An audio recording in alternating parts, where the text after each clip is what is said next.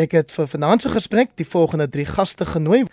Professor Amanda Gous is 'n uitgeleese professor in politieke wetenskap aan die Universiteit Stellenbosch. Naand Amanda. Naand Heinrich en naand aan die luisteraars. Saam met vanaand Max de Pre, politieke kommentator en uitgewer van die aanlyn publikasie Vrye Weekblad.com. Hallo ook aan jou Max. Goeienaand aan almal. En dan eh uh, Dr Pieter Mulder, voorheen 'n partyleier in die parlement, deesdae O, ek kan dalk ook nog sê vroeg nog vroeër 'n professor in kommunikasiekunde en dese da deel hy sy insigte met ons as 'n politieke ontleder. Baie welkom ook aan jou Pieter. Eh, dankie Hendrik, eh, naand en naand ook aan al die ander ja, baie dankie. Ons praat eers vanaand oor woelinge, nuwe woelinge in die ANC se leierskapstryd. Die naam van die voormalige adjunkpresident Pumzile Mlambo Ngcuka wat daarna ook hoof was van die Verenigde Nasies se vroue uh, departement agentskap. Haar naam word ook nou genoem as 'n moontlike ehm um, adjunk leierskap kandidaat in hierdie stryd Max de Pre wat jy soos Amanda en Pieter natuurlik ten nouste dophou. Ja, uh, eintlik ek dink die konvensionele wysheid nou is en ek dink ek stem breedweg breedweg daarmee saam dat uh, president Cyril Ramaphosa nie 'n lewensvatbare opponent het vir die verkiesing uh, as president um, by die ANC se se kongres in Desember nie. Ek dink selfs die die RET faksie stem saam hy is min of meer onaantastbaar hy gaan verkies word. En so die fokus val val dan nou juis op die visie president en op die die ander lede van die top 6. En mense kan sekerlik verwag dat die RET faksie skerp daarop gaan fokus en kyk of hulle daar 'n uh, 'n uh, 'n uh, 'n uh, grond kan wen. Ons moet onthou die ANC of die land word eintlik geregeer deur die nasionale uitvoerende komitee van die ANC want dit is die liggaam wat die besluite neem wat hulle leier moet uitvoer. So die RET groep dink ek gaan baie sterk konsentreer op om daardie 100 lede te laai met hulle eie mense en hopelik dan ook vir hulle in die top 6. Die visie presidentskap is is dan baie belangrik ook omdat dit sekerlik ehm um, president Ramaphosa se termyn op einde moet kom en as die ANC nog gaan regeer wat ek tussen my jou hoop nie meer langer gaan gebeur nie. Ehm um, is die persoon dan volgende in lyn en so die stryd is hewig Willem Kiese, die oud minister van gesondheid, maak homself gereed om om vir die pos aansoek te doen. Uh te staan Ronald Lamola, die jong minister van justisie, uh probeer uh Paul Mashatile, die finansier die die uh, finansier van finansieringshoof van die ANC en natuurlik uh die die liewe minister Lindiwe Sisulu wat haar nou weer verder by die RET faksie ingemessel het hierdie week toe sy van hulle dapper soldate in in pitstores uniforms gaan gaan uh inspekteer het en self enetjie gedra het met sulke feitjies skoene. Ek het al voorheen op die program gesê daar's daarmee reg teenoor Pep Stores as jy daai verwysing maak nie.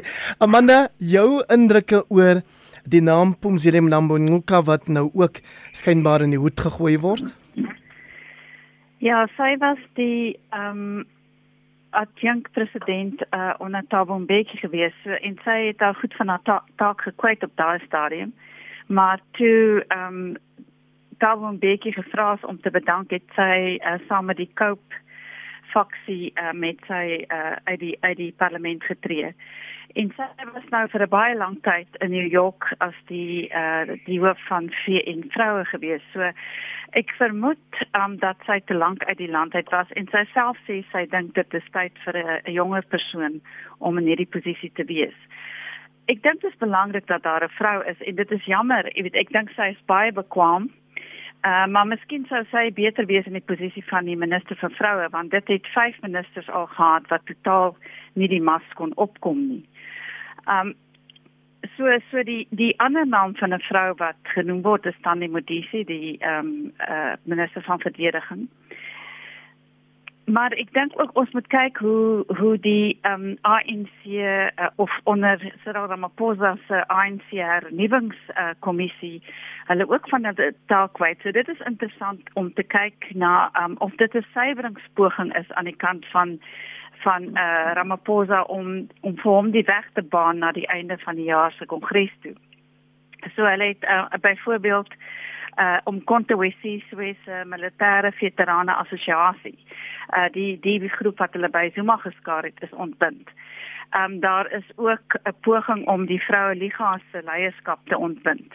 Um omdat hulle nog nie 'n uh, 'n leierskapskongres gehad het nie.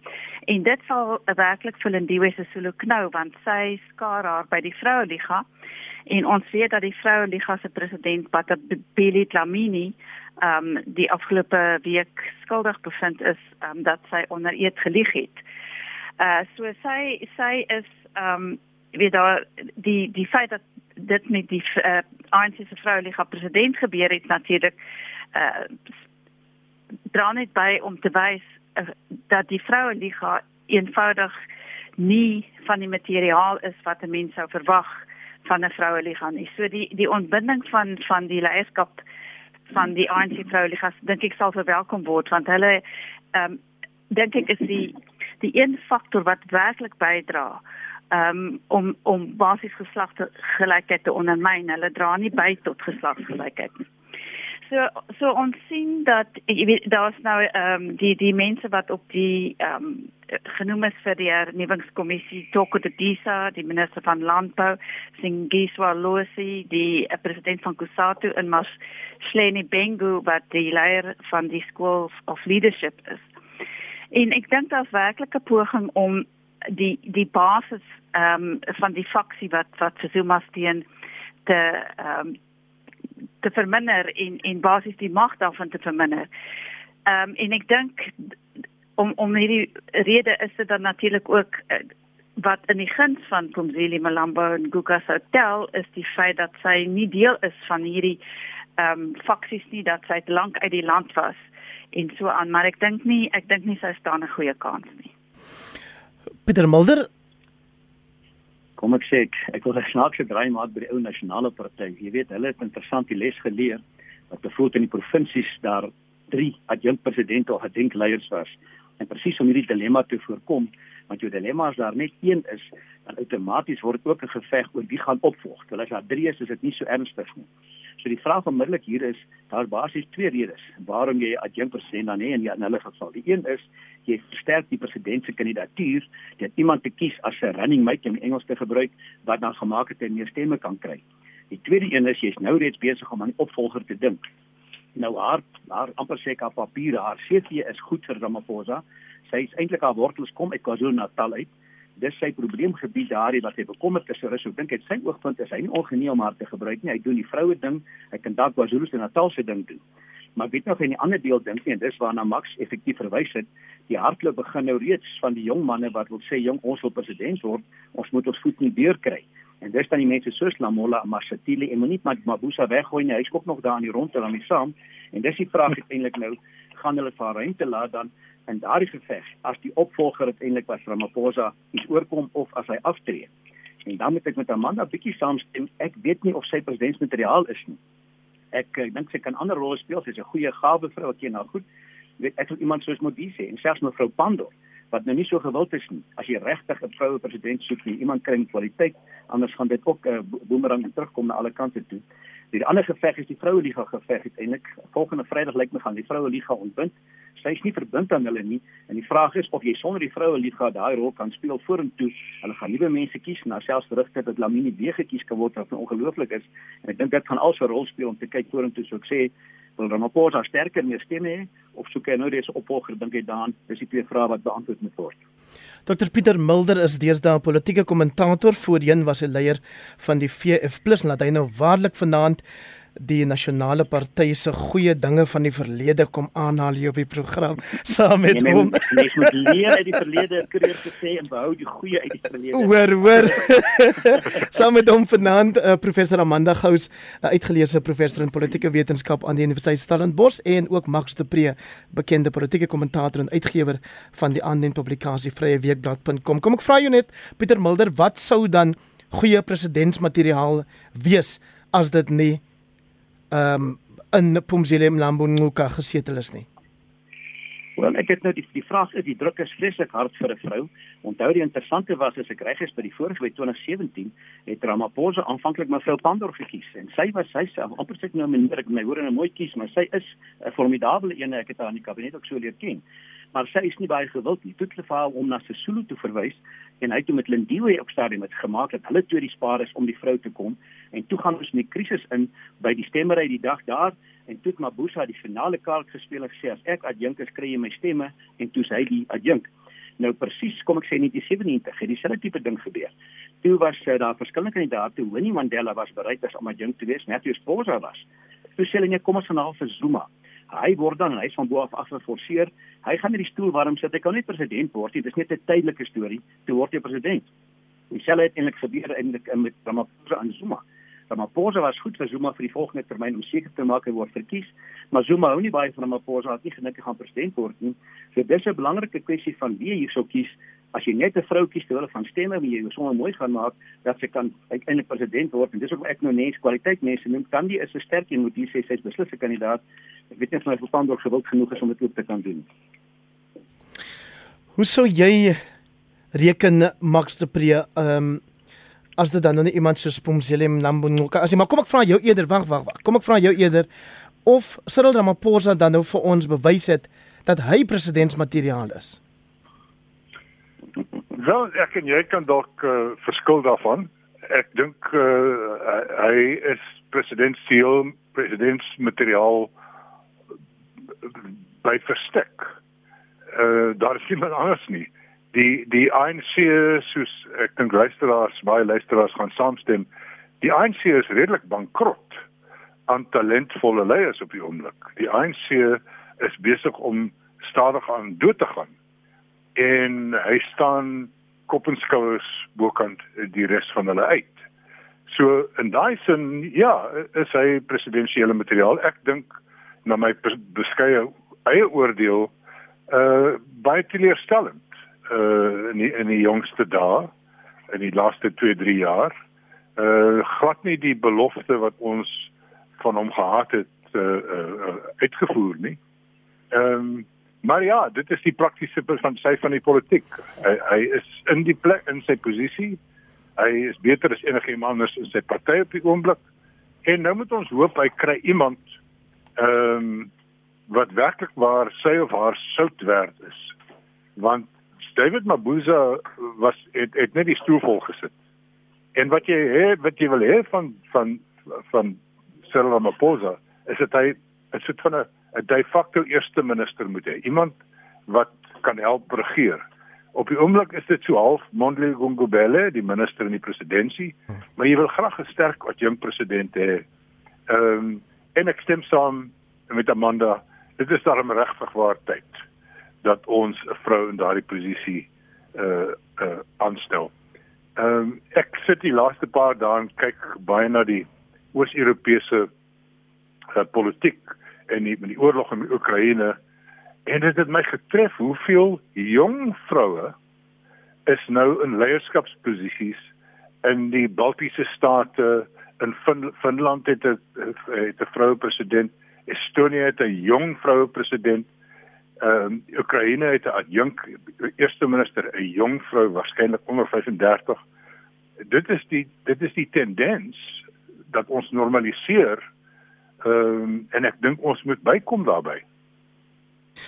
Amanda, as jy een van daai politieke ontleeders wat soos Max sê min of meer eensgesind is daaroor dat daar nie 'n mededinger vir Cyril Ramaphosa is as ANC leier wanneer daar weer verkiesing gehou word einde van die jaar nie. Is daar nie 'n kans dat ons tog verras sal word dalk op dieselfde wyse as wat ons verras was toe uh Didi Mabuza sommer net so uitgepop daar in die Ramaphosa kant nie. Ek sien saam met Max. Ek dink dat jy weet en dit is 'n is 'n baie lang probleem met die ANC is dat hulle nie 'n kroonprins of 'n kroonprinses oplei nie. Daar's altyd hierdie vakuum. Um en soos ons het nou vir die Mabuza gehad onder Cyril Ramaphosa wat um jy weet ek dink nie dat dat hy Ramaphosa seker is van sy steun vir hom nie want hy op 'n stadium het dit ook gelyk asof hy Zuma ondersteun en, en sy vrou is nou uitgewys as betrokke by 'n baie groot ehm um, grondskandaal. So jy weet daar's baie vrae oor hom. So duidelik is hy nie die aangewese persoon nie en so wie is dit dan wat nou hierdie posisie moet uh, moet inneem? Ehm um, nou ek dink Ronald Lamola het my nog al beïndruk maar hy is hy is baie jonk en ek weet nie hoeveel ervaring hy het nie. En Paul Mashatile was ek dink ook in 'n mate 'n 'n dark horse. So So wie is daar werklik? Ehm um, en as ons by die vrouens kom, ek meen ek stem saam met met Max oor of of saam met ehm um, Connie oor die oor ehm um, Naledi Pandor. Maar dit is so dat sy nie gewild is nie. Ek, ek dink sy is 'n formidable ehm um, politikus. Maar sy is ook oud. So jy weet dit is nou die die kwessie en en ek stem saam met Max dat daar is as ons kyk na jy weet waar vroue aan aan aan bewind is uh jong vroue en en met die met die ehm um, verkiesing uh waar waar Biden verkies is ook jong vroue uh wat nou in die kongres is. So wat is dit met ons wat so geriatriese tipe leierskap het? En jy weet ek dink daarvoor moet die moet die ANC verantwoordelikheid neem. Ehm um, hulle hulle uh, hulle is nie aantreklik vir jong mense nie. En ek dink die korrupsie wat so diep loop in die ANC maak hulle ook onaantreklik en die en die vroue liggaam maak hulle onaantreklik. Jy weet ek werk met jong mense by die universiteit, jong vrouens wat baie potensiaal het en en hulle sal nie aan die ANC raak nie. So ek dink dit is 'n dit is 'n 'n immergroen probleem uh met die ANC en as hulle môre moet iets oorkom dan weet ek nie uh wie ons gaan lei nie want ek dink nie Didi Mabuza is die is die regte persoon nie. Pieter Mulder, wat maak van 'n politikus, 'n ervare politikus. Hier is 'n SMS van Francois de Toey van die Parel wat skryf Ronald Lamola blyk 'n jong man te wees met 'n intelligente uitkyk, ook nie geaffekteer deur struggle rekeninge nie. En ons het al baie gehoor dat lyk of die ANC eers 'n hele lang lys van ouer persone wat 'n deel in die struggle gehad het, eers wil vergoed met of dit nou LPs of ministeriële poste is of presidentsiële poste voordat die Lamola geslag ehm um, dan nou na vore kan tree want hulle is dan ook want sy's nie ervare genoeg nie. Heinrich, ek dink soos in enige beroep is daar 'n kwessie van senioriteit en ervaring wat met tyd kom. Ek wil nie vir Musi my ma nie onnodig intrek nie, maar ek het hom jammer gekry. Ek dink hy's baie bekwam, maar ek dink dit was 'n onreg om hom van buite af in te bring en skielik is hy leiers in die oppositie jy begin in die agterbanke en jy sit daar so rukkie 'n soort van en ons as opdrag gegee wat doen 'n agterbanker hy verduidig beleid hy maak nie beleid nie en hy gee papermente aan vir die voorbankers en dan na ruk vorder jy vorentoe en word jy 'n voorbanker en dan word jy 'n leier. En dan jy 10 jaar ervaring van hoe werk hierdie spel en hierdie soort van dinge. En dis bitter belangrik om jouself daar te kan handhaaf uiteindelik So ek dink is maar soos enige beroep dat mens geleidelik deur die gaan ervaring opdoen en ek dink die interessante is ons begin uitbeweeg waar daar genoeg van die struggle, die struggle helde, dat nie iemand soos Malema, hy's nog nie kandidaat. Jy weet hy was 11 jaar oud toe Mandela uit die tronk uitgekom het in 1990. Hy maak of hy 'n vreeslike stry stry 'n struggle held is, maar Lamola en die manne is ook almal die jeugliga manne wat nou begin deurkom. So ek is ook sien weer agter dat hulle nie genoeg ervaring het nie. Ek hoop hulle kry dit. Maar kom ek troos dalk word ons gered dat 2024 die ANC nie wen nie en dan sou dalk nou met onnodige bespreking besig want dit is 'n bekommernis. Iemand wat daar werklik kan vat, Ramaphosa is nog bietjie van die laaste wat uit die onderhandelinge kom wat 'n bietjie daai ervaring saam het en wat daarom so 'n sekere mate van gerusstelling het. Ek het 'n ma wat nog baie in die politiek belangstel en vra sy net, "Wat sê jy van die een? Hoekom is daar een?" En sê ek, "Ma, in die land van die blindes een oog koning.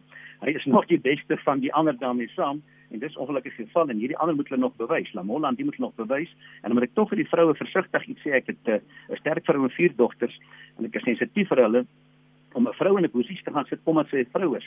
is bitter gevaarlik. Want dan maak sy dalk bevestig sy die stereotipe as sy nie die mas opkom nie, terwyl 'n suksesvolle vrou gaan 'n reuse deurbraak maak vorentoe vir vroue se posisie en vir vroue reg.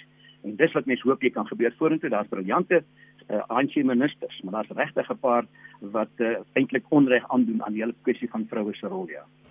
Max is eintlik ek wil net sê ons ons uh, drie paneellede is so half in die later dekades van ons lewens. en ons moenie so ligtelik praat oor ervaring nie. Ehm um, kom ons kyk byvoorbeeld na die een van die mees prominente politici en politieke leiers, staatshoofde in die wêreld vandag. Man wat werklik waar uitstaan. Sy naam is Volodymyr Zelensky. Hy het pas 44 jaar oud geword. Uh Ronald Lamola is 38. Hy kom deur die jeugliga, hy hy hy twee meestersgrade. Hy, hy was 'n lange prokurerende prokureur. Hy is nou al 'n tyd lank die minister van justisie. Ek dink nie ons moet as ons wil sê hey, iemand met 20 jaar lank ervaring het, dan is ons opgesaal met die mense bo 60. So ek dink ons moet begin sê ehm uh, 38 klink vir my goed is 44 klink vir my goed. Ek het dan net van 10 jaar gevra, nie 20 jaar lank moet gaan nie, maar ek stem saam, dit is ideaal en ou leer baie vinnig. Hy's nou in die parlement, hy het 5 jaar om te gaan nog om te leer saam met Ramaphosa. Kom ons kyk hoe lyk hy aan die einde daarvan. En Max wil jy dan nou aan die rol is, die vraag wat ek jou wou vra is maak Malema of hy struggle jaald is of wend hy sy kennis van die struggle aan om steun te werf wat hy tog in die verkiesings goed reg gekry het en om die ANC se krake uit te wys. Nee, ek dink ek dink hy dik sy eie wen hy vertel van hoe hy 7 jaar oud was en iemand het hom geleer om AK47 te skiet. En dit is toe onwaar bewys. Ehm um, ek dink een van Julius Malema se probleme is hy dink nog soos 'n ANC mens. Want sy hele verwysingsraamwerk is ANC. En en en hy dink al hoe hy homself kan vestig as 'n dapper groot nasionale leier is as hy kan kan spot spog daarmee dat hy in die struggle was. Hy was nie in die struggle nie. En en ek dink ouens soos Lamola spog glad nie daarmee nie en, en Lamola is is ewe oud. Hulle was saam in die, in die jeugliga. Hy spog glad nie daarmee dat hy in die struggle was en geskiet het in die in die loopgrawe nie. Nee, ek dink uh, ek dink uh, uh Julius Malema uh is regtig waar 'n bietjie van 'n windbol.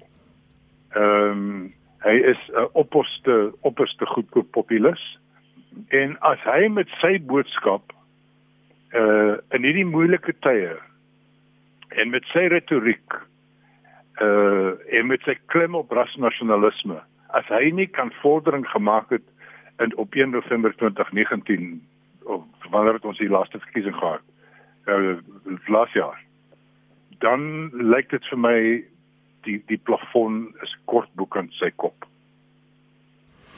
Is die plafon ook kort bokant die DA se kop? Amanda as jy in ag neem dat daar hierdie week weer 'n bedanking was van 'n uh, senior DA leier Mbali Ntuli sy word hier op 'n koerant ehm um, van 'n groep wat Max seker nie noodwendig genoem sal wil hê nie die Sunday Independent se voorblad.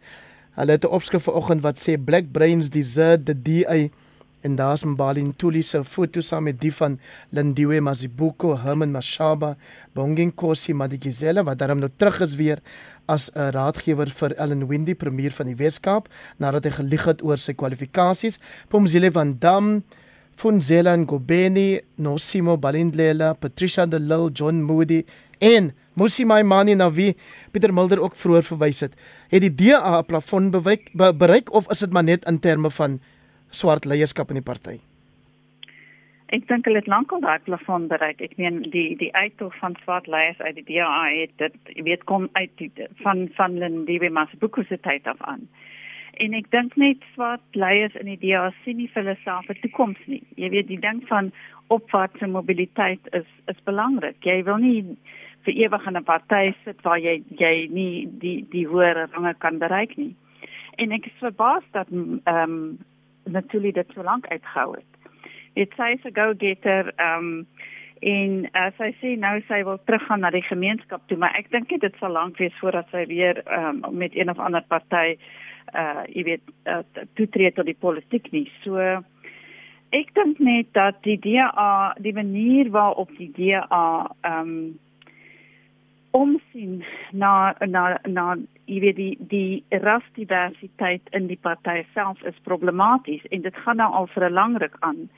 En ehm um, dit beteken ook dat hulle by die stembus die steen van die swart kiesers verloor en ek verstaan nie hoe hulle kyk na na jy weet hulle eie vordering in terme van die die op as die hoofoppositieparty in Suid-Afrika waar hulle dink hulle steen vandaan gaan kom nie. Want jy weet as jy as jy basies toesien dat al jou uh, belangrike swart leiers die party verlaat hoe hoe sien jy hoe kyk hulle na hulle eie toekoms by die stembus?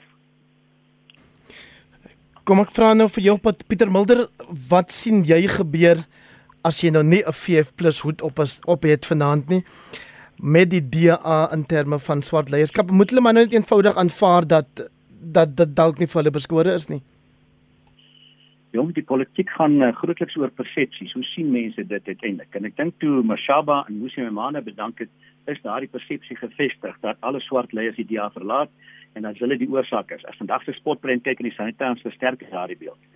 Ek dink dit is so eenvoudig. Daar's nog verbasende swart leiers wel in die DA wat wat op se plaaslike vlak en op ander vlakke is. Maar die dilemma is as jy eers daai persepsie het, is dit moeilik om dit om te draai en ek kry die hulle se aanslag om dit om te draai eintlik nie en elke keer as so een weer bloei dan bevestig dit daardie persepsie. En 'n sekere mate het sommige in die DA besluit dis ons beleid kom of gaan jy's by ons of jy's nie by ons nie en ras speel geen rol meer nie en as hierdie mense nie wil by wees nie moet hulle gaan. Ek is oor 'n ander ding bekommerd. Ek sien eerder amper 'n berekende veldtog van Herman Mashaba om die alleiers af te rokkel uiteindelik. Jy weet Mongani Baloyi van Midval het uitgetree en sê het geen probleem om met DA nie baie tevrede en kortrekening na te sluit aan by Action Suid-Afrika. Ethel Trolle ook uh, die alleiers skielik aangesluit. Natuurlik se bedanking lyk onskuldig op die oomblik. Sy wil ander uitdagings aanpas. Ek wil hou dop of sy nie ook binnekort dan maar by die Action SA aansluit en hoekom ek bekommerd daaroor is, dit plaas groot spanning op die koalisies wat jy in Gauteng het in die metro's waar die DA en die Action SA moet saamwerk uiteindelik. En dit om daai ding te bestuur, een kant dit moet 'n sukses wees wat my betref om te wys koalisies kan werk. Aan die ander kant het uh, Herman Mashaba baie duidelike strategie, hy wil 'n groot rol vorentoe speel. Nou net om ook met die vorige vraag terug te kom oor my lemma wil ek ietsie byvoeg. Elke nuwe party, dit geld vir Cope, dit geld vir die EFF en vir Mashaba, het 'n witbrood wat dit baie goed gaan. Jy is die bekendste ster van almal saam. En dan is die vraag of jy kan hou vas of jy dan daar afdaal en of jy opstyg. Koop kon nie opstyg nou begin beklei. Die toets by die EFF is of hulle nie lank genoeg daar buite is nie. Ek dink hulle is lank genoeg buite dat mense deur hulle sien dat hulle hooplik nie verder gaan gaan nie. Dis vir my ook 'n rooi vlaggie as hulle baie so groei. En Mashaba moet net hierdie witte brood uiteindelik vooruit dalk ook begin afgaan as hy nie geslaag nie wat ek hoor van interne spanning. Onthou nou Natal, maar Kosi Kosa is nou daar uit. Hy mag iemand kort soos in doel en dit dalk die rede was dat hy al gaan werk binnekort of net maar kyk wat doen hy daar. Max daai spotprint ehm um, waarna Pieter Mulder verwys het, die wys daar in die agtergrond vir John Steenhuisen DA leier hier in die voorgrond uh Helen Zille um, wat uitgebeeld word met 'n lang tong en dit is dan nou soort van die ehm um, lyk met die tong wat soort van vir Mbali Ntuli uitstoot uit die party het Mbali verwys in haar bedankingsbrief of in 'n verklaring daaroor verwys sy byvoorbeeld na 'n geskinder in die party en hoe dat leiers deur die party behandel sou word en sy sê ook dat sy nie verlore is vir die politiek nie. Maar praat 'n bietjie oor John Steenhuisen wat hierdie week um daai persverklaring gehou het waar hulle aangekondig het hulle uh, gaan 'n hofgeding teen die regering begin oor die rampstaat en daar het hy gestaan met vlae in die agtergrond by 'n podium kompleet soos 'n president in afwagting. Ja, ek wil nie naar wees met John nie. Hy is 'n goeie mens. Ekskuus, ek was nie nou naar ek het hom net verduidelik vir die mense wat nie daai beeldmateriaal gesien het nie. Nee, ek is net ek is net bang wat ek wat wat ek nou gaan sê gaan klink of ek is met hom, so ek vra hom om verskoning voor ek begin. Ehm um, ek dink John was uit John Steenhuisen was uitstekende 'n uh, uh, uh, hoofsweep. Ehm uh, en daar het ons beïndruk hy se veglustigheid georganiseer uh, wanneer hy mense moet inspireer uh dan skiet hy tekort. Uh, hy staan ongetwyfeld in Helen Zille se skaduwee. Hy kom nie daar uit nie. Dis deels haar skuld ook. Ehm um, so nee, daar's nie groot inspirasie nie. En en en om aan te sluit by wat Pieter gesê het oor oor Herman Mashaba. Eindelik ek dink wat ons moet onthou is dat ons grootste datum in die laaste sedert 1994 is 2024. Ons land staan op die afgrond. Ons ekonomie staan op die afgrond, ons stabiliteit is sleg, ons mense is honger en arm en werkloos. Ehm um, dit roer hier onder ons. Dis onrustig hier onder ons. Ons enigste hoop is dat in 2024 as ons die volgende uh, algemene verkiesing hou, dat ons weer as kiesers die ANC onder 50% gaan dwing en dat die, die ANC ver genoeg onder 50% gaan wees om nie net na 'n klein partytjie toe te gaan soos Good of of of Cope of UDM nie maar dat hy een van die drie groter partye moet nader klap vir 'n uh, koalisie vernoot. En en dit is waarop die DA en waarop uh, die Vryheidsfront Plus en waarop Action SA hulle oog moet hou.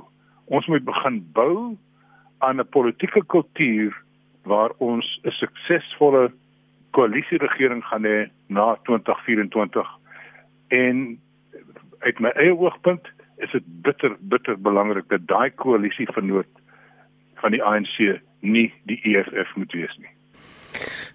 Amanda moet ons kyk na die wyse waarop koalisiepartye tans saamwerk of nie in sê nou maar metros en ander munisipaliteite as 'n maatstaf vir of 'n koalisie op nasionale of provinsiale vlak kan werk of gaan ons dan skielik nuwe energie en nuwe ingesteldheid en minder ego sien? Wel, weet soos Max aangedui het, ons het nie 'n kultuur van van samewerking nie. Ons dit dit is in in die politieke kultuur van Suid-Afrika om kompeterend te wees en en konflik flik aan te vier. So wat ons sien op die plaaslike vlak is maar net 'n mikrokosmos van wat ek dink op nasionale vlak sal gebeur as ons met koalisie regerings uh, moet werk. So ek ek stem saam met met Max dat partye moet dink aan aan wat gaan gebeur, jy weet as die ANC onder 50% gaan in in 2024. Want ons kan nie hierdie grootskaalse onstabiliteit wat ons sien op op plaaslike vlak hê op die op die nasionale vlak nie. Dit sal uh ons oor die afgrond dwing waarvan van Max praat. En dan dink ek moet ons ook dink aan 'n aan um Action SA onder Herman Mashaba bekommer my baie oor die um antagonisme teenoor uh buitelanders in Suid-Afrika. Operation Dula is is 'n baie ernstige situasie en en ons sien ehm um, dis die hele tyd is daar mobil, mobilisasie teen ehm um, buitelanders. Ons het dit self nou gesien uh oor die naweek in in Robertson uh hier in die Weskaap en die die die probleem is ons het hierdie situasie in 2008 gesien en soos nou het die regering niks gedoen nie. En in 2008 is baie mense dood en duisende mense is verplaas en ons kan nie uh, in in hierdie soort van situasie waar mense arm is, waar hulle ongelukkig is, waar enige iets hierdie kruitvat kan laat ontplof nie. Kan ons nie sit met hierdie situasie nie en Herman Mashaba se party vier dit aan. So jy weet dit is nog 'n ding waaroor ons moet dink is watter ideologie kan uh, met mekaar saamwerk in 'n in 'n koalisie regering. Jy weet in in in die EFF is totaal opportunisties. So jy weet ek dink nie eers die EFF moet gesien word as 'n koalisie vernoot nie want hulle hulle is onbetroubaar. Hulle doen alles ten uh, net om hulle self te bevoordeel. En op die ou eind word ons nie regeer nie. Ehm um, ek moet sê ons word ook nie nou geregeer nie en ons is nie in 'n koalisie regering nie en die groot probleem is die ANC. So ek dink jy weet daar is daar is ruimte vir partye om te dink, maar jy weet die DA lyk ook nie vir my asof hulle besef hoe hulle ehm um, voorkom vir die kiesers nie en dit is genoem, jy weet die persepsie. So ja, ek dink dit is 'n groot probleem.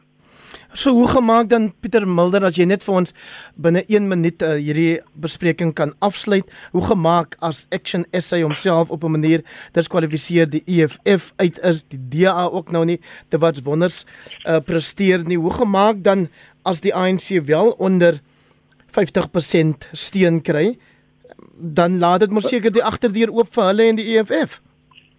Ja, dis korrek. Onthou, ons praat nou baie mooi teorie uit ons oogpunt gesien en ek is nou bang om ons te definieer. En die partye en die politiek is mag 'n ander ding en in die werklikheid mag dit totaal anders uitwerk uit daai oogpunt sien is dit baie belangrik wat gebeur einde van hierdie jaar by die verkiesing rondom Ramaphosa dat hy verkies moet word, maar ook dat dan sy faksie vir wat ook al mag wees, sterker uitkom na vore, dan hulle moet daai besluit neem uiteindelik as daar 'n koalisie moet kom met wie moet hy gaan. Dit tot nou toe het hy die verskoning Ramaphosa laat oor sy skouer kyk, hy moet die RET faksie dophou en daarom kan hy nie roer nie en maak hy allerlei geluide wat ek nie van hou nie oor onteiening en als om kamstig hulle almal gelukkig te hou. Hy het geen verskoning meer na Desember nie. En dan is hy daar, sy termyn gaan eenmalig uitloop en dan moet hy die regte geluid maak in die klimaatskep dat hy 'n koalisie kan aangaan en as sy party saam met hom gaan na dan sê maar die uh, eh, DA Vryheidsfront, daai soort van partye aan die ander kant wat vir ons dalk bietjie hoop kan gee daarmee saam is dit dan belangrik wat ek sê dat die Gauteng se metro's moet bewys die koalisie werk. Hulle werk baie hard, hulle beklei lekker hard lyk dit vir my, maar as hulle daar uitmekaar spat, gaan dit weer druk sit vorentoe. Maar dit is belangrik en daar's maaks reg. Ons kan nie bekostig die EFF daai vernoot word nie, want eintlik regeer hy dan as hy die vernoot is in die laaste stukkie van die 50% en dis 'n baie donker prentjie dan vorentoe. Ek wou dat ons ook praat oor die openbare beskermer advokaat Bosisiwe Mqobani, maar ek dink kom ons gaan eerder Oekraïne toe Max en dan praat jy met ons oor of jy hoop het dat ons binnekort 'n uh, wel 'n uh, uh, einde aan hierdie oorlog sal sien die president van uh, Oekraïne Volodymyr Zelensky sê self dat hy reken dit behoort nie te lank te neem nie en dat daar is gesprekke wat hy meen wat wel ek klink baie huiwerig maar hy sê dit dat hy reken dit gaan goed met daai gesprekke en dalk het ons een van die dae wel weer vrede. Ja, ek het net nou net nou net 'n uur gelede na 'n uh, onderhoud geluister tussen Farid Zakaria van CNN en en president Zelensky. En Zakaria het hom gevra oor watter kompromie kan jy aangaan? En uh, hy het spesifiek vir hom gesê, "Gaan jy kan aanvaar dat die die Donbas uh, uh streek, die oostelike republieke en Oekraïne uh, en en en die die Krimea nie meer deel is van van van Oekraïne nie."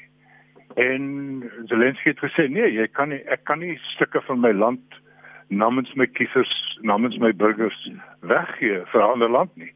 En dit is dink ek uh op die oomblik is dit Putin se se bottom line. Uh hy Zelensky sê hy gaan nie na na uh, na voet nie. Dis die een ding wat hulle wou gehad het, wat wat Rusland wil hê. Maar die ander ding is hy wil uh hierdie drie stukke van Oekraïne hê. Ek ek kan nie my indink uh dat dit maklik gaan gebeur nie. Ek persoonlik ek het laasweek daaroor geskryf. Ek het die voorbeeld gebruik van generaal Piet de Wet en en ek kan sommer hoor Pieter Mulder se haar nekhare staan klaar regop. Hy sluk baie diep. Piet generaal Piet de Wet het vroeg in die Anglo-Boereoorlog gesien uh die Boerige Republieke gaan verloor. Hy het na sy broer Christian generaal Christian de Wet toe gegaan en gesê kom ons maak vrede hier want ons verarm die Afrikaner volk. 'n Klomp van ons gaan gaan uitgewis word en ons gaan hier uitstap as 'n verwese uh, uh volk van arbeiders. En en as mens kyk wat aan die einde van die oorlog was, was dit wat gebeur het. Al wat die boere oorgehou het is is 'n sin van trots en dis waaroor dit nou gaan in in Oekraïne. Ehm um, laat ek bysê uh Vladimir Putin staan glad nie meer in so 'n sterk posisie as wat hy gedink het hy gaan staan of wat die res van ons gedink het hy gaan staan nie. Ek dink uh, dit is die mees fatale fout van sy van sy van sy lewe, van sy loopbaan om Oekraïne so binne te val. Hy het duidelik kry slegte inligting. Hy het gedink hy gaan binne 3 dae keer oor oorneem uh, en sy eie uh, marionetregering daar instel. Ehm uh, en uh, die russe kry volgens alle inligting mens maar met die, met knippie soutvat wat jy glo van enige, enige kant af maar dit klink tog of die russe baie baie swaar kry militêr so die slegste moontlike uit uitkoms is dat die Oekraïners aanhou beklei en die Russe net meer missiele en meer bomme plant en dat meer stede soos Mariupol vernietig gaan word en meer vrouens en kinders en en jong mans gaan sterf. Ehm um, en en dit gaan dit gaan 'n verskriklike 'n uh, 'n uh, 'n uh, wond aan die mensdom laat hier in hierdie in hierdie jaar waarin ons leef. Amanda so ek het dalk uh Zelensky se woorde uh, iets wat verkeerd geïnterpreteer toe hy gesê het in daai onderhoud waarna Max verwys het I am ready for negotiations been ready for 2 years. Maar hier is 'n ander ding wat hy gesê het. If the talks fail it means this is a third world war. Is dit ook hoe jy daarna kyk Wel, ek weet ek dink die die die een ehm um, versoek wat Putin het is die demilitarisasie van die Oekraïne en ehm um, as die die gesprekvoering nie slaag nie, is daar nie 'n kans dat dit gaan gebeur nie. So die vraag is, jy weet as as ehm um, ek dink eh uh, Max is reg oor die feit dat die die russe swaar kry dat die die uh, jy weet die uh, invalle in die tanks en die uh, daai lang ry tanks wat uh, 40 myl lank is beweeg nie. So daar's allerlei probleme en en ek dink nie Putin het dit voorsien nie. Maar as dit moet aangaan, jy weet, ek dink daar sal 'n um, oomblik kom wat die die weste 'n besluit moet neem. Uh as die sanksies nie ernstig genoeg is nie, ek dink die sanksies by die Russiese bevolking. Ehm um, maar maar jy weet as een van die NAVO-lande toetree, dan moet almal toetree want dit is wat waaroor die verdrag gaan. En dan is dit inderdaad eh, 'n derde wêreldoorlog. Nou daar is 'n professor van ehm um, uh sy sy is iemand wat al haar hele loopbaan ehm um, navorsing doen oor Putin in Rusland en jy weet sy sy sê dat dat sy groot visie is om die ou Russiese empire weer bymekaar te sit en dat ons reeds in die derde wêreldoorlog is. Jy weet dat dit reeds begin het. So jy weet ek weet nie hoe ernstig mense dit moet opneem nie, maar dit is haar siening. Ehm um, Pieter Mulder, kom ons hoor wat sê jy oor wat daar gebeur? Is daar vir jou 'n kans dat die partye tot 'n vergelyk kan kom as Putin dan nou so duidelik is oor wat hy wil hê en Zelensky so duidelik is oor wat hy nie bereid is om prys te gee nie? Kom ek praat dan so 'n bietjie uit my ervaring met onderhandelinge en ek was by onderhandelinge met Mbeki, met Zuma, met Mandela. Jy kan nie in openbaar onderhandel nie, dis fataal. Met ander woorde, dit is bietjie onbillik om te verwag dat 'n lenskie bevoeld in die onderhoud moet sê ek is bereid om dit toe te gee. Ek kan daai gebied afgee, dan is die onderhandeling klaar verby. Dan begin hy môre praat asof dit reeds 'n feit is. So dalk in die agterkop kan dit sy plan wees, maar hy kan dit nog nie sê nie. Hy eis maksimum, Putin uit maksimum en dan hooplik kry jy 'n kompromie aan die einde daarmee saam. Intussen moet ek wel sê as ek beïndruk met sy kommunikasie eintlik. Hy slaag in 'n groot mate om die propagandaveld tog wel te wen.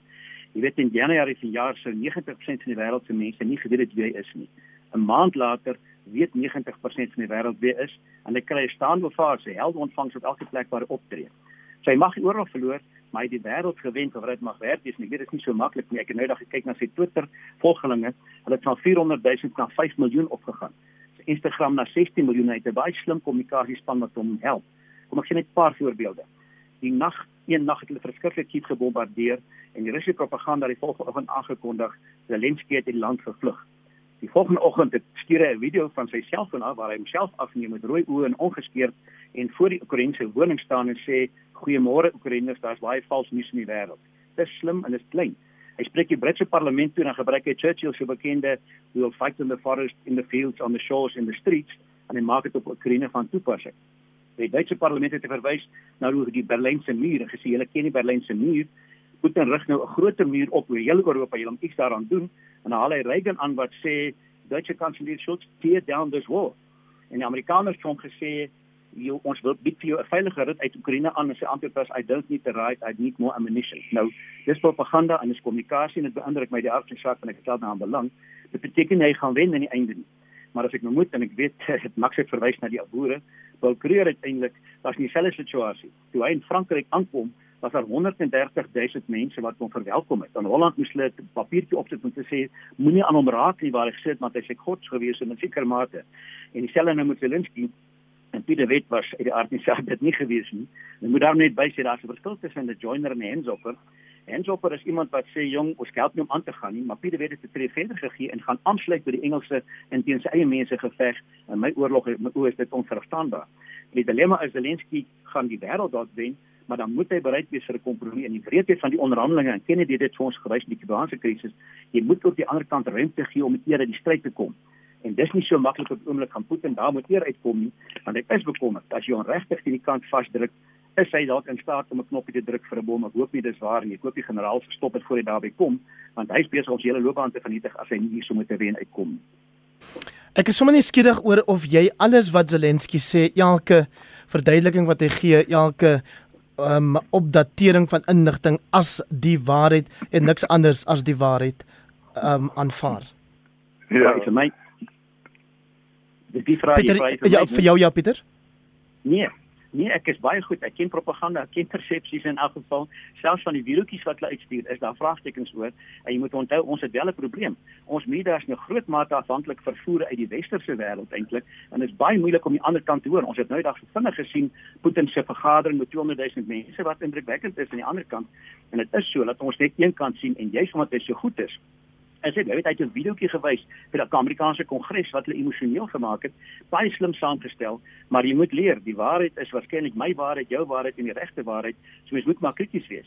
Maar as ek sien hoe hy staan hoe faasies kry, moet ek hom gelukwens daarmee dat hy die spel reg speel hiermee saam. Dis vandag deel van die wêreld dat jy moet sosiale media gebruik ook in jou oorlogspoging en ook om druk op die opponente sit om hooplik by 'n goeie skikking uit te kom waar daar plek vir albei is om te wen. Max, jy wil ek, ek wil net ja. ek wil net hier byvoeg dat ek dink ons ons luisteraars is al slim genoeg om te weet ja kyk CNN want hulle het baie goeie mense op die grond. Kyk Sky en BBC en kyk Al Jazeera. Ehm um, maar wonder die hele tyd is dit die hele verhaal? Is dit nie maar wat in 'n oorlog gebeur aan elke kant vir uh, uh, oordryf sy eie suksesse en en en by uit of sy eie belange En dan kom ons dalk naby aan die waarheid uit. Ons moet net skepties wees die hele tyd.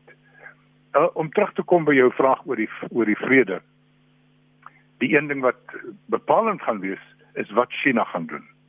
En ek dink as ons 10 jaar van nou af terugkyk, gaan ons dalk sê dit was die oomblik wat China 'n groot sprong na vore gegee het as die tweede grootste wêreldmoondheid, selfs die grootste wêreldmoondheid. China het 'n houvas oor Rusland in die sin van dis basies die enigste vriend wat Rusland nog het, enigste plek wat nog besigheid wil doen met Rusland. En China is is baie magtiger as Rusland. Ehm um, China het 'n beleid van van eie belang. Uh China is nie so imperialisties soos Rusland nie. Is nie so ideologies na buite uh soos Rusland nie. En so sal na sy eie belang kyk en en groei, ekonomiese groei is vir China baie belangrik. So ek verwag enige oomblik dat China gaan 'n klein bietjie druk begin toepas op uh, Putin. Hulle geniet dit natuurlik dat die weste in 'n hoek is en hulle kan hier sit en jy weet twee honde beklei om 'n been en die derde gaan daarmee heen. Maar ek dink uh, as daar vrede gaan kom, sal dit met die hulp van China moet wees. Nie met die hulp soos Pretoria vir ons sê met die hulp van Suid-Afrika as bemiddelaar nie dit is 'n grap. Ek sien op sosiale media daar's baie mense wat dit ernstig opneem. Hulle dink Cyril Ramaphosa gaan dalk die bewonderaar wees. Daai mense weet nie waar Suid-Afrika is nie. Hulle stel nie belang nie. Hulle weet nie wie Cyril Ramaphosa is nie. Ons is nie meer daar nie. Ons het nie meer sagte mag nie. En terwyl ek op 'n rol is hierso Hendrik, kan ek net sê ek kom al meer onder die indruk dat Cyril Ramaphosa se besluit om bankvas agter Putin te gaan staan in hierdie ding die grootste strategiese fout van sy lewe is van sy loopbaan is. Ehm um, sy verklaring wat hy gister gemaak het, eergister gemaak het, uh, was dat uh, dit is basies NAVO in die weste se skuld. Wat hy daarmee sê is vergeet daarvan dat Putin 'n diktator is en geen vryheid in sy eie land toelaat nie. Uh geen politieke kontestasie toelaat nie vergeet daarvan dat uh, Mariupol omtrent met die grond platgevee is en dit gaan ook nou met Kiev en en ander plekke soos Odessa en pragtige plekke waar ek al was gaan hulle platvee. Hy sê vergeet dit. Hy sê in effek oorlog 'n gewapende inval op 'n onafhanklike staat is 'n legitieme instrument vir buitelandse beleid. Dit kan tog nie wees nie. Kom ons vers... een ding bysels wel een sinnetjie ek gaan vinnig sê waar ek dink Putin het die fout van sy lewe gemaak om Oekraïne in te val deurdat hy gemaak het dat Rusland getel word. Soos ek sê dat sy weermag geweeg word. En sy oë is hy supermoondheid. Ons kom nou agter hy is op sy beste 'n sterk streekmoondheid. En dan is Max reg. Ek sê hier is die begin van 'n nuwe koue oorlog met Rusland en met met China en Amerika as die supermoondhede en dalk Rusland 'n aangehegte ouetjie grens streekmoondheid tans aan China omdat die Wes hom daarna toe dryf. Dis jammer hulle kon nie hom aan hulle kant kry nie. Ons het nog Ek dink nie ek dink nie dit is ek weet ek kan vinnig net my laaste sinnetjie sê. sê. Nee, gee my ook 'n kans. Sure. Amanda. Ehm um, ek dink net dat ons kan nie teruggaan na koue oorlog nie. Dit uh, Max is reg. Dit sal afhang van China. En en dit sal die oomblik wees dat China werklik 'n moondheid word want Rusland word 'n 'n pariah staat. En en dit ek daar's nie 'n terugkeer na na koue oorlog nie. So dit sal 'n staat wees waar Rusland is is ehm um, 'n wêreld uh, situasie wees waar Rusland 'n pariah is en en China die die magtigste staat word, selfs magtiger as as die FSA en ek dink dit is dit is ook van die goed wat in in die koppe is van die ander wêreldleiers is as wat wat gebeur as China daai posisie inneem.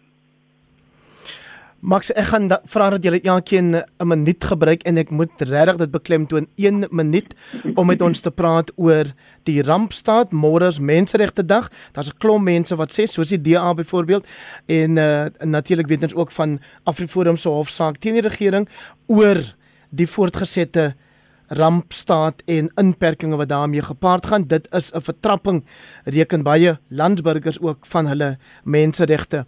Kom ons begin dan met jou Max, 1 minuut, 1 minuut Pieter Mulder, 1 minuut Amanda Gous. Ek dink uh, die ANC ehm um, is so met is 'n beheer van so min in die land. Uh, hulle hulle het so swak regering dat as hulle met 'n met 'n penneveeg iets kan beheer met 'n met 'n deklarasie met 'n dekreet, dan doen hulle dit graag. So ek dink die ramptoestand is nie meer nodig nie. Ek dink die ANC gebruik dit maar om om dit beheer wil uitoefen, maar dit gee my ook nie slapelose nagte nie want dis is nie werklik waar ehm um, ek, ek word nie my basiese vryhede ont, ontneem nie. Ek dink hulle kan toelaat dat ons begin rugby en cricket kyk en so aan. Maar ehm um, dit is 'n goeie ding. Vat die ouens hof toe en kyk of dit kan staan. Ek dink dis tyd dat ons na normaliteit beweeg. Pieter uh, daar is nie meer 'n ramp op hierdie oomblik nie. Dit sê die mediese en dit sê die kundiges vir ons uiteindelik. Daar is nog COVID, daar's nog mense wat doodgaan, maar hulle gaan ook dood aan tering en griep. Die ramp was daar om die hospitaal en die mediese geleentheid te gee om gereed te maak om die siek mense te hanteer. Dis nie meer die geval nie. So nou is die vraag, hoekom is die rampregulasies nog daar met watter doel uiteindelik? En dan sê ek en ek het interessant hierdie week geluister na professor Deewald van Niekerk. Hy is van Noordwes uh, Universiteit se rampstudies. Hy was by die opstel van die wet betrokke. En hy het by daardie gesê as ek hom reg gehoor het, daar was nooit in hierdie tipe situasie gedink toe die wet opgestel is en hy is oortuig moet weer kyk na die wet dat hy nie so kan misbruik word soos hy nou misbruik word eintlik om totale mag aan die ANC te gee om drank te misbruik te stop of rook te misbruik hier op strand mag loop nie wel nie mol dit was 'n gek situasie kom ons hoop ons leer iets uit en skaf hom af Amanda, jy kan daarom nog so 2 minute gebruik want uh, Max en Pieter het nou vir jou 'n bietjie tyd afgestaan daarso. Ek is baie dankbaar. Ons het Um, geskrik vir haar. Ek al nie worry. Mos dood, mos dood. Ek is stom. Julle gebruik nou my tyd. Um, ek stem saam met met Max en kon kon hy dit dit dit is 'n slag Pieter sê hoor, ek is Pieter nie Corne. Ag, Pieter, sorry. En hy's ook nie Ja. Connie soos jy hom vroeër genoem het, dit was hulle pa. Ons Ja, luister. Ons luister graag. ons lag al nou vir 'n minuut.